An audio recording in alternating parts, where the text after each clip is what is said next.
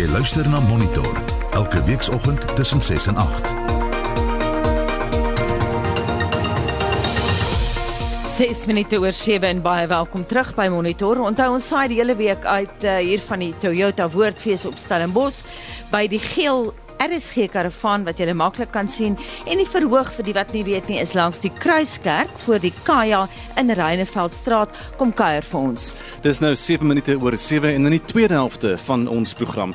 Suid-Afrikaanse mediese verlaat die land op strepe. Waarvoor lag Suid-Afrikaners en net voor 8 ons nuutskeppingskompetisie bly ingeskakel. In Suid-Afrika is daar tans sowat 800 praktiserende ginekoloë in privaat praktyk. Helaas is hulle gemiddelde ouderdom tussen 52 en 56 jaar en boonop verlaat baie jonger medisy die land. By ons op die RC verhoog vanoggend by die woordfees is Dr. Johannes van Waart, hy's president van die Federasie vir Suid-Afrikaanse Chirurge. Hy was voorheen ook die president van die SA Vereniging vir Verloskundiges en Ginekoloë. Saam met van Waart is 'n medikus wat net as dokter Eben wil bekend staan. Hy is al 2 jaar as gekwalifiseerde ginekoloog in privaat praktyk, voorheen in die Wes-Kaap, maar tans in Pretoria. Nou, Dr Eben wil land uit en ons sal vooroggend by hom hoor hoekom. Eerstens goeiemôre Johannes. Môre Anita, môre Gustaf en welkom ook aan die luisteraars. En goeiemôre Eben. Môre Anita, môre almal. Die Federasie vir Suid-Afrikaanse Chirurge verteenwoordig Johannes nou 19 verskillende dissiplines en as 'n president daarvan het jy nou kontak met almal. Kan jy vir ons 'n breë perspektief gee? Toestande waaronder hulle werk. Anita, dis nogal 'n moeilike situasie vir ons op die oomblik want die afgelope 2 weke is daar nou heelwat goed in die nuus van dokters wat aangerand is na sy slegte uit wat krimineel aangekla word. En soos julle bewus mag wees, het een van ons kollegas ongeveer 'n jaar of wat gelede 'n tronkstraf gekry omdat 'n pasiënt in 2005 gesterf het. En dis debatteerbaar oor wat die oorsaak daarvan was. Die dokter ehm um, is op die oomblik uit op parol. Hy's uh, onder huisarrest en dit is 'n groot slag gewees vir ons want ek dink dit beteken as daar nou enige slegte uitkomste is in enige operasie of enige geval, dan staan dit nou enige ou vry om die dokter aan te kla En selfs in party gevalle is daar geweld teen dokters en ek dink is iets wat vir ons baie onrusbarend is en iets wat ons publieke sentiment wil kry sodat ons die wet kan verander. Ons wil graag net in veilige omstandighede ons werk doen die kwaliteit van mediese dienste het definitief nie agteruit gegaan nie, maar ek dink die persepsie wat daarvan is, is dat elke uitkoms en elke ding wat gedoen word absolute perfekte uitkoms gaan hê. En ek dis net dood eenvoudig nie waar nie. Kan jy vir ons 'n bietjie uitbrei oor daardie redes hoekom uh, die dokters die land wil verlaat? Uh, hoe wat wat staan 'n dokter doen wat nou in 'n praktyk is? Wat kan met hom gebeur? Watter soort van dinge is vrees hy. Ek dink daar's daar's vier goed wat ek dink op die oomblik vir ons uitstaan as as dokters in 'n geheel. Ek dink die eerste een vir die ginekoloog om betref dink ek is ons gesond is ons versekerings wat ons betaal wat 'n bietjie beter beheer word as tevore, maar ons betaal nou al 1.3 miljoen rand per jaar om omvattend verseker te word. Die tweede ding is die nasionale gesondheids uh, versekeringsplan wat inkom waaroor daar geweldig baie onsekerheid is. Ek dink die dokters weet net nie wat is in die toekoms vir ons te wagte nie. Gaan ons betaling kry? Gaan jy werk hê? En ek dink dit is 'n baie moeilike omstandighede en dan die twee laaste is die eerstens dat daar tronkstraf was en ons weet uh, ook uit die media dat uh, daar is uh, professor Pieter Biel wat in Johannesburg na slegte uitkomste in hegtenis geneem is soos 'n krimineel. En dan die laaste ding is die geweld teen dokters op die oomblik wat nou die afgelope 2 weke was daar drie sulke gevalle gewees. En en dis vir ons nogal onrusbarend en ek 'n jong dokter was sou definitief baie mooi gedink het. Ons wil graag versekerings hê dat ons ons werk kan doen in vrede en dat ons veilig kan wees daar waar ons werk. En so van jong dokters gepraat, langs jou sit 'n jong dokter, dokter Eben. Hy wil land uit trouens, hy het te werk in Nieu-Seeland alreeds vir Junie. Hoekom verlaat jy die land Eben? Ehm um, Anita, dis ehm um, wanneer mens begin praktiseer in Suid-Afrika, is dit 'n is dis 'n langtermynloopbaan wat jy moet bou en ehm um, jy weet so aan die begin van 'n loopbaan, uh, jy weet moet mens jy wil jouself vestig en dan dan moet jy baie goed in ag neem vir hoe die situasie nou is en en hoe dit geeskaleer het tot waar ons nou is en en hoe die toekoms gaan lyk. En en soos dokter van Waart gesê het, die ehm um, jy weet al daardie faktore, die die versekerings en die ehm um, jy weet die vervolging van dokters amper op 'n onregmatige manier ehm um, is bekommer, jy weet, ehm um, gee mens baie bekommernis vir vir wat in die toekoms gaan gebeur en en waartoe ons gaan beweeg. Uh Johannes, hoe vergelyk die syfer in Suid-Afrika van 800 uh, praktiserende ginekoloë met ander lande in die wêreld? Uh Gustav, ek dink uh ou moet die uniekheid van die Suid-Afrikaanse mediese stelsel in gedagte hou. Mm -hmm. Ek dink baie keer in Suid-Afrika is omtrent 5 keer minder ginekoloë per landslid. Ehm um, op die oomblik is daar so 800 in privaat praktyk, maar die stelsel verskil 'n bietjie om in die publieke stelsel Ehm um, is daar heelwat minder ginekoloë maar die netwerk wat jou ondersteun soos vroedvroue en algemene praktisyns of soos ons praat van mediese beamptes is is is piramidvorm. So jy het nou 'n spesialis in die bo-punt, maar die werk word eintlik oor die algemeen maar gedoen deur die vroedvroue en dan deur die dokters wat onder dit val. In privaat praktyk is dit jy alleen. So jy's verantwoordelik vir al die vroedvrou werk, vir al die mediese beampte werk en jy vang self die baba. So ek dink dis bietjie onregverdig om net 1 tot 1 te korrigeer, maar ek dink daar's definitief 'n groot tekort in ons land en die syfer wat ons het op oomblik is 5 keer minder per persoon of per 100 000 as jy dit so uitdruk as wat is op ander eerste wêreld lande. En nou gaan Eben ons ook verlaat. Eben, hoe belangrik wat was die rol wat die nasionale gesondheidsversekeringsplan gespeel het in jou besluit om Nieu-Seeland toe te gaan? Ehm um, Anita daar's daar's verskeie faktore. Ek dink die die een die grootste een is die onsekerheid agter hoe die hoe die proses gaan werk. En ehm um, en dan veral met ginekologie is die, is die versekerings ehm um, op die dan gaan dit in in privaat praktyk kom die kom die verantwoordelikheid neer op die op die praktiserende ginekoloog waar ehm um, soos dokter van Waart gesê het in die in die in die staatsopset werk dit bietjie anders. So ons is nie heeltemal seker wat gaan gebeur met die NHI ehm um, op wie gaan die onus val? Hoe gaan die versekerings werk? So ehm um, een is die, is die, is die groot onsekerheid. Ehm um, en dan ehm um, dit is ehm um, jy weet gaan jy werk hê? Dit is ja, ehm um, daar's nie ons het nie baie duidelikheid oor hoe hulle ehm um, jy weet pasiënte gaan toedeel of of ehm um, jy weet daar was voorheen sprake gewees van jy moet 'n uh, prakties of 'n uh, of 'n lisensie om 'n area te praktiseer. So ek dink die onsekerheid oor hoe dit gaan geadministreer word en die gevolge daarna um, is kommerwekkend. As jy pas by monitor aangesluit het, ons kuier heel week by die Woordfees op Stellenbosch, maar by ons uh, op die verhoog vanoggend is Dr. Johannes van Waart. Hy is president van die Federasie vir Suid-Afrikaanse Chirurge. Hy was ook voorheen president van die Federasie vir Verloskundiges in Suid-Afrika, baie mediese agtergrond en so aan. Johannes, jy het net nou gesê dat jy wil hê die publiek moet weet onder watter omstandighede jy werk.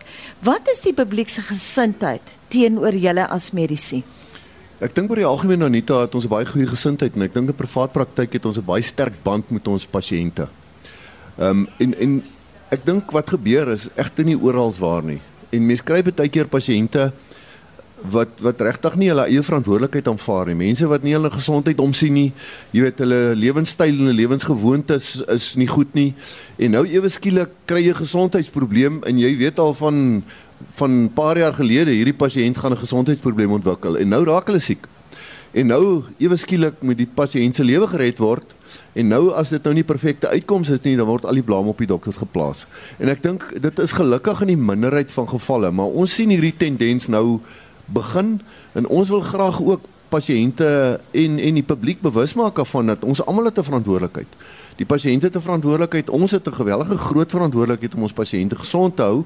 En na vorige gesprek wat ons gehad het 'n paar jaar terug het 'n hele paar positiewe goed uitgekom. Ek dink ons probeer wat ons kan doen, die faktore wat ons kan beheer is om ons deel van die spel so goed as moontlik te maak en daar het baie baie water in die see gevloei. So ek dink die prosesse wat in plek is vir ons om pasiënte se veiligheid te verseker en uh, is is regtig baie ver gevorder in terme self van wêreldgesondheid.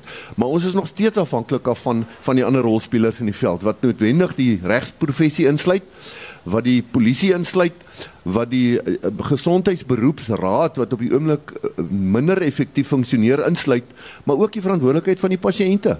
So ek dink dit is 'n komplekse situasie. Ek moet ook net byvoeg by by dokter Eben dat baie van die dokters verlaat nie die land noodwendig omdat hulle so graag wil gaan nie, maar daar's soveel hulle is so gesog oor see in lande soos Kanada en Nieu-Seeland en Australië en selfs nou in van die oosterse lande dat hulle kry aanbiedings om te kom werk daar wat regtig baie moeilik is om hierso in Suid-Afrika vir hulle te gee en ek dink dit is die ander hoek daarvan.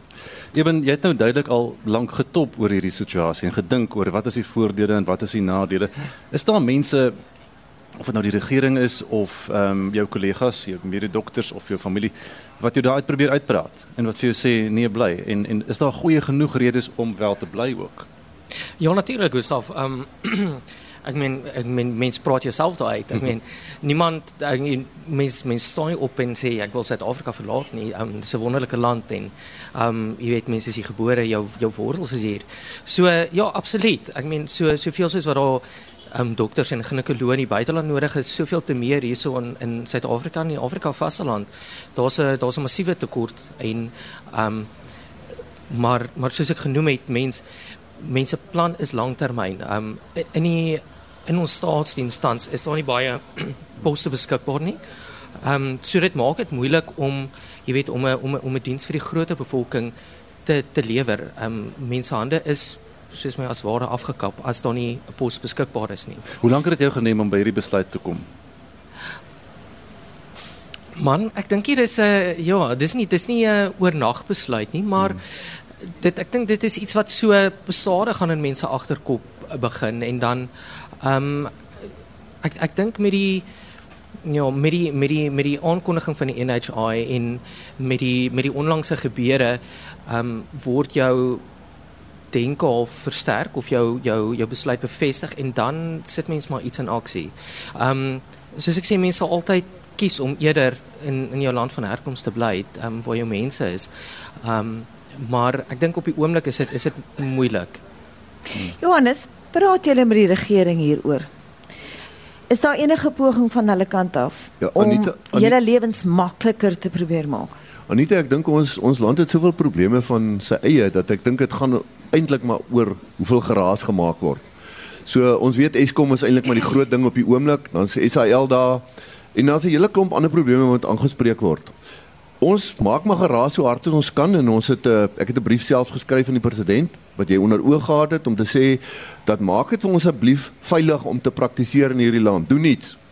Ons het ook van die federasie van FASES, ons federasie van uh um chirurge, asook saam met die narkosevereniging, asook die Suid-Afrikaanse Mediese Vereniging het ons 'n brief geskryf nou aan of 'n brief geskryf aan die minister van Justisie, die minister van Polisie, die nasionale vervolgingsgesag om te om om net weer hulle bewus te maak van wat besig is om aan te gaan die mediese beroep. En ons sien nou die punt van die ysberg.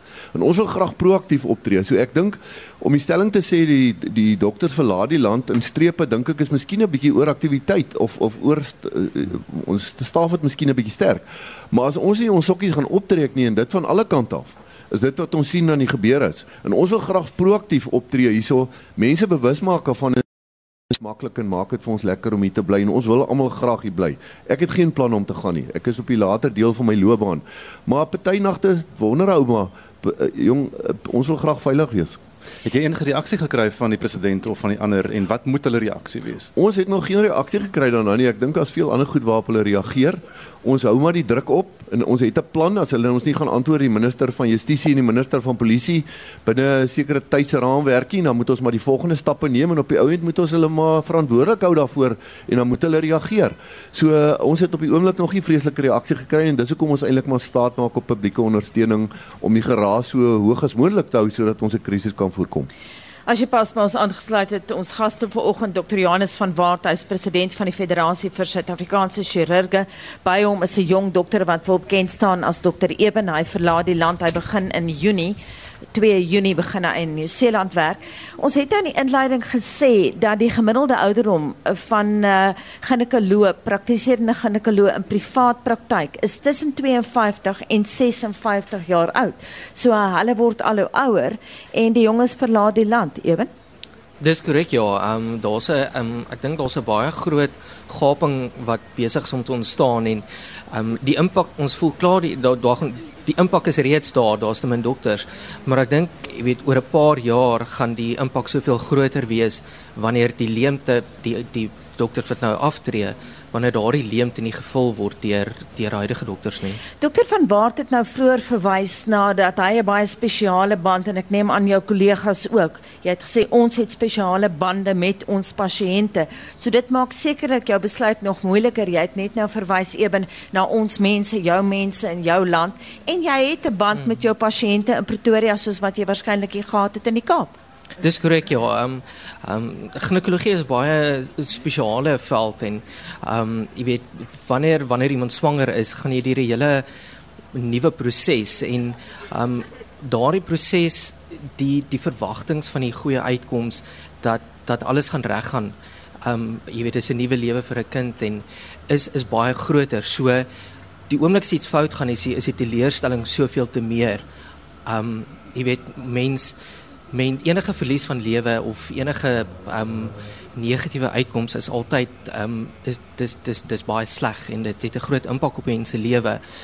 Maar as as 'n as 'n samelewing is mens meer aanvaarbaar as dit met iemand gebeur van 'n gevorderde ouderdom van 70 of 80 omdat die verwagting daar is dat so 'n persoon reeds 'n lewe gelewe het en en en jy weet op 'n meer gevorderde ouderdom is en ehm um, so dit dis dis baie moeilik ehm um, jy weet om wanneer iets verkeerd gaan ehm um, dit te kan regverdig en ehm um, Het jy vir jou pasiënte gesê en wat is hulle reaksie? Ja, ehm um, nee natuurlik. Ek meen mens dit dit is 'n baie persoonlike verhouding en ehm um, jy weet uh, dit dis 'n intieme um, jy weet dit is jy weet om 'n ginekoloog te gaan en 'n intieme besoek. So um, mense is geskok en um, mense is hartseer so want dis is iemand wat jy vertrou en so jy weet om weer daardie verhouding op te bou met 'n ander persoon is dis dis dis moeilik. Dis dit gebeur nie oornag nie. Ja, dan moet jy 'n nuwe ginekoloog gaan soek. Ja, dis, dis nie altyd maklik nie. Ek wil net laasens praat oor die kriminalisering van medisy. Dit klink vir my asof die korrekte prosedures nie altyd gevolg word nie. Dit klink baie erg om 'n dokter in die tronk te stop omdat hy miskien 'n mediese fout begaan het en dan is dit ook twyfelagtig of sy oordeel hom regtig in die steek gelaat het. As jy klein bietjie wil uitbrei oor 'n geval in Witbank. Ja, wat, wat daar's 'n paar gevalle nou en eintlik is daar in Durban is daar eh, 'n uh, dokter wat nou aangerand is deur 'n familielid waar daar slegte uitkomste was wat wat glad nie die toedoen van die dokter self was nie. Die dokter, 'n vroulike kollega, is aangerand en sy is in die intensiewe sorgeenheid. So daar sal nou stappe gedoen word teen die die betrokke familielid wat nou die dokter aangerand het, maar ek dink die regte proses wat gevolg moet word is as daar slegte uitkomste is, dan behoort die dokter eintlik aangegee te word by die gesondheidsprofessionele raad. Ehm um, en dan behoort daar vinnige proses te wees om te verseker dat daar nie kwaad gedoen is of nalatigheid was nie. Eers as dit gevolg is en dis korrek gevolg, dan kan kriminele uh, of siviele eis ingedien word. Ehm um, ek dink die ons kollega wat in in in Witbank in die tronk was, is 'n lang proses wat gevolg is. Daar's 'n hele klomp flaters in die regsproses gewees, maar uh, as ek sê in die regsproses of ek, ek stel dit miskien sleg, nie in die regsprosesie in die reg. So in die wet is alles korrek gevolg. Maar die wet moet herskryf word om daai unieke situasies te hanteer en ek dink dis nog nie gedoen nie en ek dink dis is ons groot pleidooi aan die minister van Justisie dat die wet reggestel word en dat as iemand per definisie as ons iemand opereer dan rand ons hulle aan, maar ons rand hulle aan dan of ons opereer hulle met die doel om hulle beter te maak. Nou jy kan dit nie so net swart op wit in die wet interpreteer nie en dis wat ons graag sou wil sien dat daai hervorming is in die wet sodat regverdige prosesse gevolg kan word en dat as iemand nalatig is dat hulle definitief daaroor moet boete doen, maar dat as iemand nie nalatig is nie dat jy nou nie so krimineel behandel word tot tyd en wyl jou onskuld bewys is nie. Baie dankie dokter Johannes van Wart, president van die Federasie vir Suid-Afrikaanse Chirurge en saam met van Wart was dan die medikus dokter Eben wat binnekort as ginekoloog in Nieu-Seeland begin praktiseer. As jy weet hoe om koronavirus te behandel, daar's 'n mark daarvoor ook, né? Ja, absoluut. 37 jy luister na monitor op RC en ons kuier heel week uh, by die Woordfees op Stellenbosch kom kuier vir ons. Hier wat mense wat vroegoggend die moeite doen om in die koue hier te kom sit en kyk hoe ons uitsaai. Die musikant en kunstenaar Neil Rademan is al 21 jaar lank betrokke by die Woordfees en nog langer as dit betrokke is by kunstefeeste in die Afrikaanse musiekbedryf en hy tree vanoggend hier by ons op op die verhoog baie welkom hier by die Kaya. Jy is al meer as twee dekades betrokke by verskeie kunstefeeste. Hoe vergelyk die Woordfees nou met die ander feeste? Goeiemôre. Goeiemôre aan almal, goeiemôre aan die luisteraars. Jy moet weet die Woordfees het 21 jaar gelede ontstaan En uh, dit is gevorm op die basis van literatuur. Uit die woordkuns het die fees ontstaan en ek dink die fees bly geweldig getrou aan hierdie missie. En daarom dan natuurlik 21 jaar later nog steeds hierdie fantasties groter en beter fees as daardie tyd, maar die fondasie is steeds die woordkuns. Neil, vertel vir ons wat is dit van musiek spesiali- spesialiseer jy in? Man, ek is 'n klassiek opgeleide musikus, maar ek raak aan verskeie genres, maar ek verkies dit om in Afrikaans te sing. En jy het Vrydag aand 'n Afrikaanse vertoning dan vertel ons meer daarvan. Ja, ek is baie opgewonde. Vrydag aand, Vrydag die 13de om 8uur in die Endlersaal het ek 'n groot konsert getiteld Heimwee. En ek glo tog almal in die land het nou en dan 'n bietjie heimwee nodig. Ons kan terugkyk na mooi en ook minder mooi dinge en dan uiteindelik daaroor glimlag. Nou gee vir ons 'n bietjie hem weer vanoggend dan.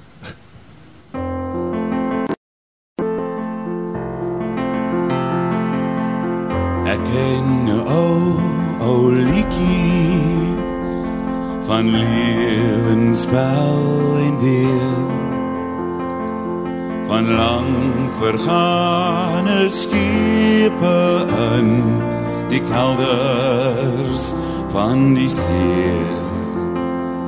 Die woorde is vergete en tog die dingie draal soos vaag onthoude griepies uit 'n baie ou verhaal van swerwers sonder rigting van soekers wat nooit vind. En eindelik was almal maar net kinders van die wind gesigte drome name is deur die wind verwaai. En waar jy al die drome is sou net 'n kind kon raai. Van swerwers sonder rigting van soekers wat nooit vind was almal maar net kinders van die wind net kinders van die wind Dis nou bes- behoorlike nostalgie en heimwee vanmôre hier by die Woordfees in Stellenbosch en dit was die kunstenaar Neil Rademan. Ernst Grinling, skrywer, joernalis en 2 jaar besig om die land se komediante by die Woordfees aan feesgangers voor te stel. Nou vanjaar is geen uitsondering nie met Bibi Slippers, Konrad Kog, Jonathan van Radio Raps en Skalk Besaidnout wat op Stellenbosch is om almal 'n bietjie te laat lag en ons het dit beslis nodig Ernst. Nou ons praat vanoggend met die man wat dit alles moontlik gemaak het. Ernst en langsom sit Alfred Adrian self 'n bekende komediant. Ons gaan 'n bietjie praat oor komedie vanoggend. Baie welkom meneere. Hallo. Baie dankie Anita en welkom aan die feesgangers wat luister en natuurlik almal by die huis en in die verkeer. Erns, hoekom het jy besluit om spesifiek komedie in die kollig te plaas hier by die Woordfees? Anita, ek is 'n um, vryskut en ek dra maar 'n paar hoede so in die lewe, maar ek het um 5 jaar gelede het my paie met um die toe nog baie jong komediant Skalk Besaidnout gekruis. Hy was toe 22 jaar oud en ek het hom gesien by die KAK&K, jy's by 'n kunstefees. Ek 'n uh, hane partytjie gereël het vir 'n vriend van my en ek wou toe nou nie 'n uh, ontkleed aan sou wees kry nie. so ek het toe besluit om 'n komediant te kry om op te tree by die partytjie en toe ek vir Skalk Besaidnout bespreek vir die partytjie. En ons het toe begin gesels en hy sê toe hy wil graag met uh, iemand saamwerk um, om sy te help met sy vertonings en so het ek en Skalk begin saamwerk en dit het toe uitgevloei na die kunstefeeste. Toe eers was dit net ek en Skalk wat by um, by kunstefeeste 'n bietjie stand-up komedie gedoen het en Shimmy Isaacs en Melt ehm um, Siberwagen en Hannes Brimmer. En toe ehm um, grootendeels danksy die woordfees het daar toe die geleentheid ontstaan om meer stand-up komedie vertonings by die fees te hê. En dit het nou uitgebou oor die afgelope 3 jaar dat ons eintlik nou 'n volwaardige stand-up komedie fees het by die woordfees met 15 vertonings en 19 komediante. En ek dink ook net stand-up is 'n 'n baie ehm um, belangrike genre ehm um, dalk meer as wat mense dink want dit is nie net lag vir vir ontsnapping of om snaaks te wees nie daar's ook geleentheid vir baie belangrike sosiale kommentaar. Ehm um, Alfred, ja, hoe hoe hoe, hoe sien jy dit? Ehm um, men dis dis nou die tweede jaar wat jy ook al by die Ja. Woordfees optree, né? Luister, eers wil ek net sê is RSG, hier is 'n groot oomblik. Ek het my hele hoërskool het ek my, op my ouma se ou pioneer uh spookstories met Renske geluister. Het jy nou julle nie? Dit en straler Ja, jakkers. Renske luister, hoor. Is dit? Ek het gehoor, ek's lekker hy's hy's Helanti. Anyway, en ehm um, en natuurlik Leon van der Rop se stralerjakkers. Elk elk geval. Okay, hoe werk dit? Ehm um, man, ek dink is belangrik. Uh, ek dink natuurlik is belangrik veral soos jy nou genoem het uh, erns dat uh jy kan as jy in 'n stad en as jy as jy as stad kom dan uh, 10 teen 1 is daar twee goed wat mens eintlik moet doen as jy 'n gevoel wil kry van wat aangaan in in hy omgewing. Gaan na 'n uh, 'n comedy show toe, 'n local comedy show dan jy sal hoor baie keer as uh, as jy daar kom as jy hoor nee wat die comedians van praat wat die hart van vol is loop die mond van oor op by stage. En jy sal sien in in in, in verskillende opinies kom dan natuurlik uit en dan kry jy 'n goeie gevoel. Dis waarom ons so baie uh, internasionale mense kry by comedy shows. Hulle hulle hulle dit al besef. En dan nommer 2 soos jy kan sien dan eet jy die res van jou way deur die stad. Ek eet oral waar ek kom eet ek alles wat ek kan kry so dis daai twee goed wat 'n mens doen as jy so 'n bietjie toer Op 'n bietjie meer ernstige vlak, waarvoor lag Suid-Afrikaners? Is daar 'n buite in ons humor? Ehm um, ons het definitief 'n buite in ons hier maar. Ons is is uh, ek het, ek was ek is gelukkig om om 'n bietjie te toer. Ek was nou net in in Australië laas jaar en ek was al in New York en ek het daar opgevoer en jy besef hoe ons is eintlik baie hard. Ons maak hulle bang as ons goed, oor goed praat wat ons elke dag net oor chat. Soos byvoorbeeld? Ras, baie ras goed, baie ehm um, goed soos uh you know wat 'n man doen, wat 'n vrou doen, sulke goed soos ons net soos sulke al ons topics is is eintlik wat ons maklik oor praat. Praat hulle cringe so bietjie baie keer. En dan moet jy dit so bietjie sag maak en 'n bietjie sagter maak. Waar uh, ons average ehm um, Suid-Afrikaanse audience net opeet. Ja, so dit is maar so. Ek dink dit is ook interessant as jy kyk na die amper of jy die teorie agter humor. Ehm um, iemand het eendag vir die Amerikaner Chris Rock ge gevra in Engels what is funny? To say you know what's not funny thinking about it. As mens te veel soms oor die dinge oordink want ehm um, humor is juist iets wat baie spontaan is, is iets wat jou verras, dis baie keer iets wat jou onkant betrap. Maar om terug te kom oor Suid-Afrikaners net. Ehm um, Konrad Koch, natuurlik die ehm um, komediant met sy bekende pop Chester Missing. Hy het byvoorbeeld Sondag aand hier by die visuele kunste vierkant 'n vertoning gedoen met die naam How to End Racism. En hy het dit reggekry om in samewerking met sy pop, hulle het in 'n lewendige dialoog gegaan vir langer as 'n uur, het hulle soveel kernaspekte rondom frustrasies en verwagtinge rondom ras in Suid-Afrika, het hy daarso uitgespel en ontknoop en die gehoor op 'n reis gevat wat baie keer was die gehoorlede bietjie ongemaklik ook maar tog het dit hulle ook uitgedaag en laat lag en baie laat lag en dis wat dit so wonderlik maak. Alfred, Ja. dink jy dis helend? Ehm um, as dit op die regte manier gedoen word. Ek dink daar's altyd 'n manier om dinge te doen en en jy kan nie vir 'n komediant sê hoe om sy werk te doen nie. Maar vir my is dit natuurlik as ek praat oor rasgoed en en en, en bring ek die ligter kant deur en tog sien ons ons mense lag want hulle sien hulle selfs op een of ander manier in wat ek sê. En ehm um, dit is nou maar vir my hoe jy met die ding speel. Maar tog as ek so ek ek sê altyd vir mense en sê die hand watch dan veral vir die laas so 10 jaar terug was dit eh, baie baie so dan kry jy wit mense so dit mense so so wat gebeur is eintlik wat ek opgetel het is dat ons het baie meer gem in gemeen as nie in gemeen nie oor uh, verskillende like, ons het meer in gemeen oor hoeveel geld ons verdien as wat ons weer kleur gewys in gemeen het Ja. Verskil die humor tussen mans en vroue? Lag vroue vir ander tipe goed as mans of nie? Ehm um, man, dit is 'n moeilike ding om te sê want dit is dit gaan maar seker net oor jou agtergrond en hoe jy ehm um, groot geword het. Ek dink uh, daar is natuurlik as 'n klomp mans in 'n kamer is soos by 'n sportdag of 'n ding, dan is dit 'n bietjie moeiliker. Ek vind altyd dis 'n bietjie moeiliker om mans te laat lag want hulle is 'n bietjie meer jy weet stywerig en of hulle is baie keer 'n bietjie so te te veel druiwesap gedrink as dit 'n bietjie moeilik 'n Bietjie kru. baie moeilik. Ja, dan maar wanneer sodra jy 'n kamer het met 70% mans, dan is dit meer baie moeilik om hulle te laat lag. Maar as jy 40% of meer vroue inbring, dan voel jy die tipping point sommer skuif. Want eerstens luister hulle beter en hulle het meer respek vir jou want dis ander is vrouens want veral Suid-Afrikaners ons jy weet ons maak nog gedeur oop. So ons het baie meer respek ons ons skree nie uit en goed dis dis maar net wat ek optel. So van presentasies gepraat, ehm um, Skalkbesuidenhout se ma Greta is ehm um, waarskynlik sy grootste ondersteuner. Sy het al 80% seker van al sy vertonings bygewoon en sy kry dit nog altyd reg om vir 'n grappie te lag asof sy dit die eerste keer hoor Ja. en ehm um, dit dit dit is nogal baie mooi om te sien. Die man wat daar praat vanoggend is Ernst Grinling. Hy sit aan ons regterkant hier by die woordfees en dan het ons ook die komediant Alfred Adrian. Ernst is 'n joernalis vir luisteraars wat die vroeëre deel van die onderhoud gemis het. Hy het begin om so 3 jaar gelede komediante woordfees toe te lok en uh, jy het baie toegeneem. Daar's nou jy het gesê 19 komediante en 15 vertonings, maar daar's 'n vraag wat ek aan albei van julle wil stel.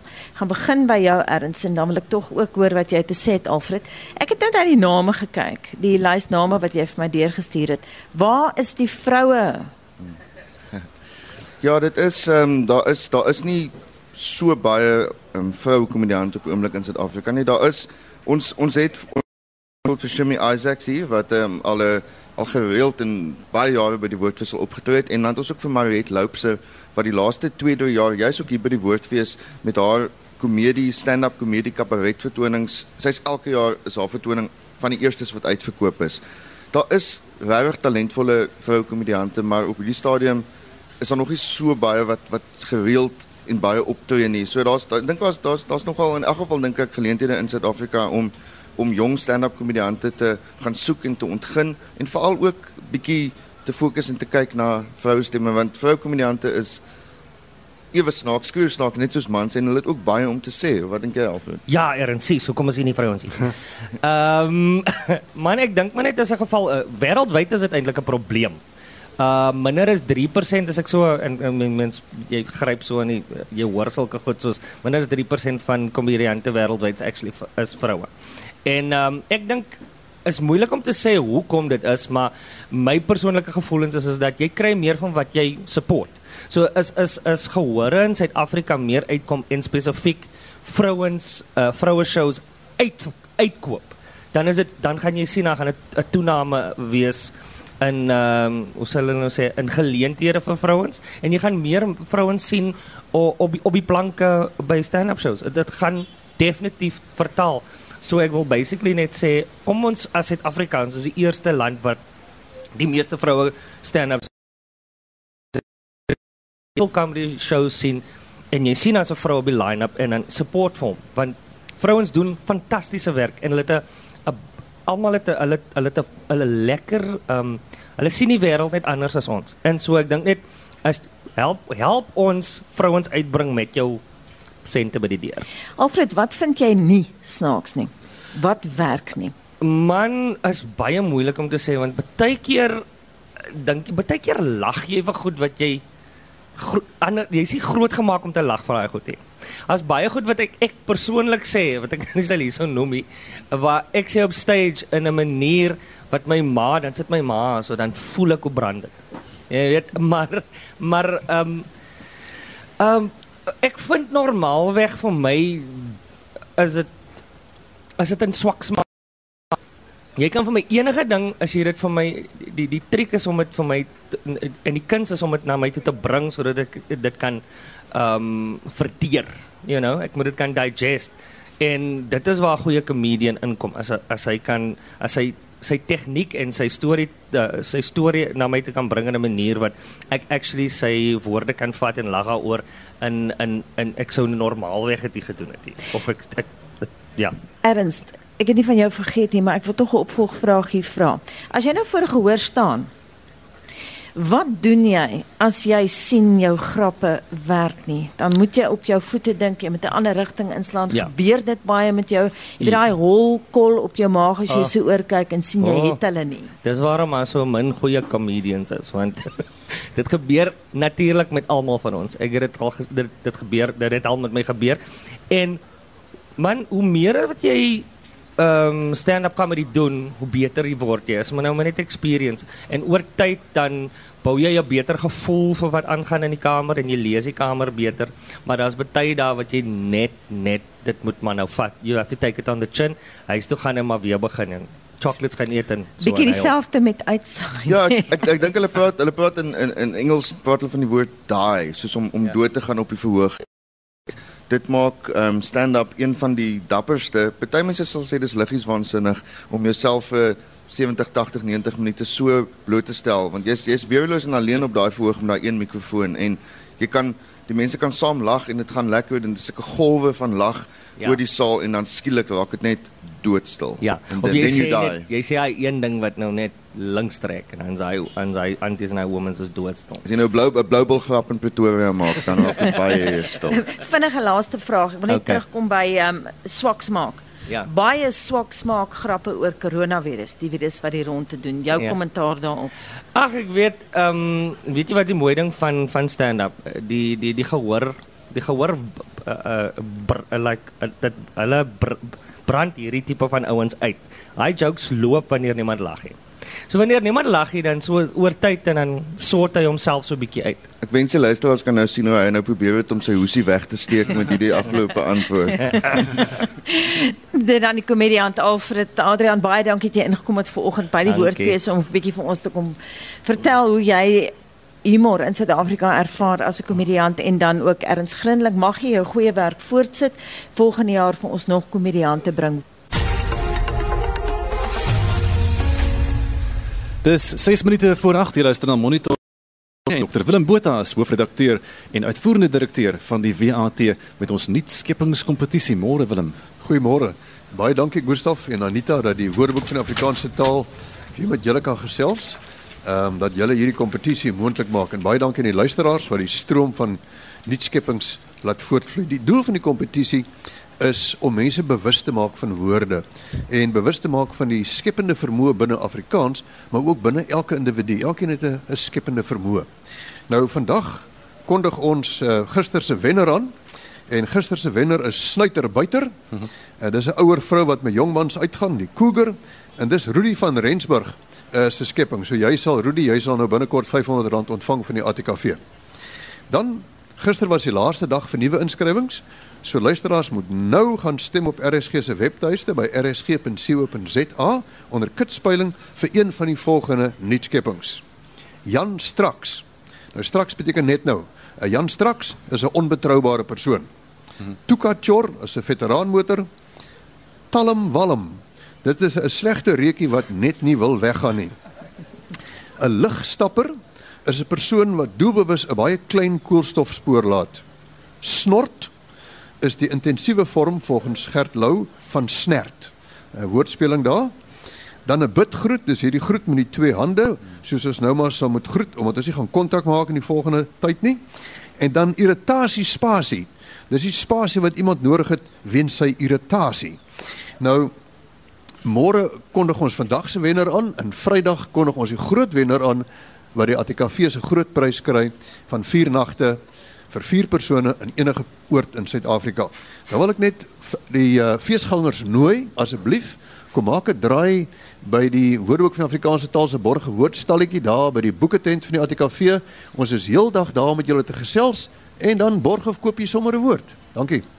Willem baie dankie dokter Willem Botha hoofredakteur en uitvoerende direkteur van die Woordeboek van die Afrikaanse taal met ons nuutskeppingskompetisie volgende. En daarmee groet ons ons groet namens ons redakteur vanoggend ook ons waarnemende uitvoerende regisseur Wessel Pretorius. Ons tegniese span was Ricardo McCarthy, Albert Klasen en Kilian Abrams. My naam is Anita Visser. En die Toyota US woordfees verskaf ons verblyf en reiskoste sonder om redaksionele inhoud te beïnvloed. Bly ingeskakel by RSG net as volgende met praat saam hier by die Kaya. Ek is Gustaf Vreiding. Mooi bly. Tot môre.